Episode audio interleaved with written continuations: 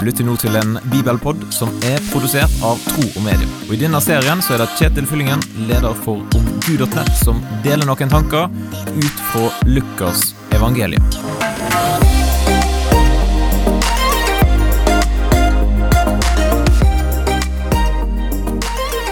Hva er det som kjennetegner en som er kristen? Det finnes helt sikkert mange måter å formulere det på, og i dagens bibelpodtekst i Lukas 2, 12-20, så mener jeg at vi ser i hvert fall fem viktige ingredienser i en kristens liv. Vi leser. Og dette skal dere ha til tegn. Dere skal finne et barn som er svøpt og ligger i en krybbe. Med ett var engelen omgitt av en himmelsk hærskare som lovpriste Gud og sang. Ære være Gud i det høyeste, og fred på jorden blant mennesker Gud har glede i. Da engelen hadde forlatt dem og vendt tilbake til himmelen, sa gjeterne til hverandre, la oss gå inn til Betlehem for å se dette som har hendt, og som Herren har kunngjort for oss. Og de skyndte seg av sted og fant Maria og Josef og det lille barnet som lå i krybben. Da de fikk se han, fortalte de alt som var blitt sagt dem om dette barnet. Alle som hørte på, undret seg over det gjeterne fortalte. Men Maria tok vare på alt som ble sagt, og grunnet på det i sitt hjerte.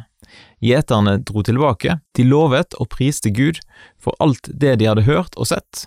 Alt var slik som det var sagt dem.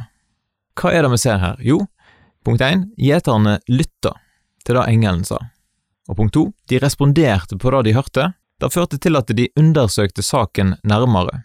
Og punkt tre, gjeterne fortalte om det som de hadde sett og hørt. Og punkt fire, Maria grunna på det og tok vare på ordene i hjertet. Og fem, gjeterne lovpriste Gud for det de hadde opplevd.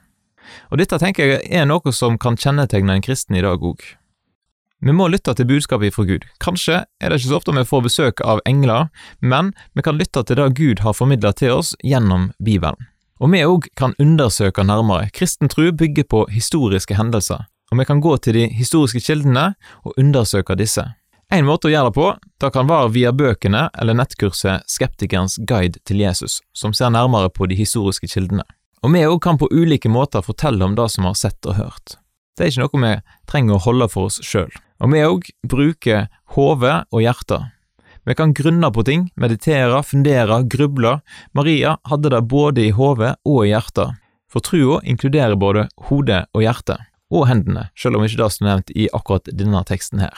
Og til slutt, vi kan lovprise Gud. Gjeterne må ha vært litt av et syn den natta der. Kanskje vekte de noen naboer og fikk noen litt forundra blikk på veien gjennom byen, men de kunne ikke være stille, de måtte lovprise Gud for det som de hadde fått lov til å oppleve. Hva med deg, er det noen av disse ingrediensene du savner i ditt liv?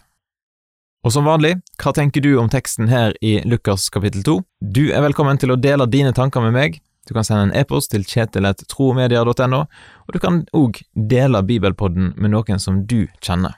Da ønsker jeg deg en fin dag, og så poddes vi plutselig igjen.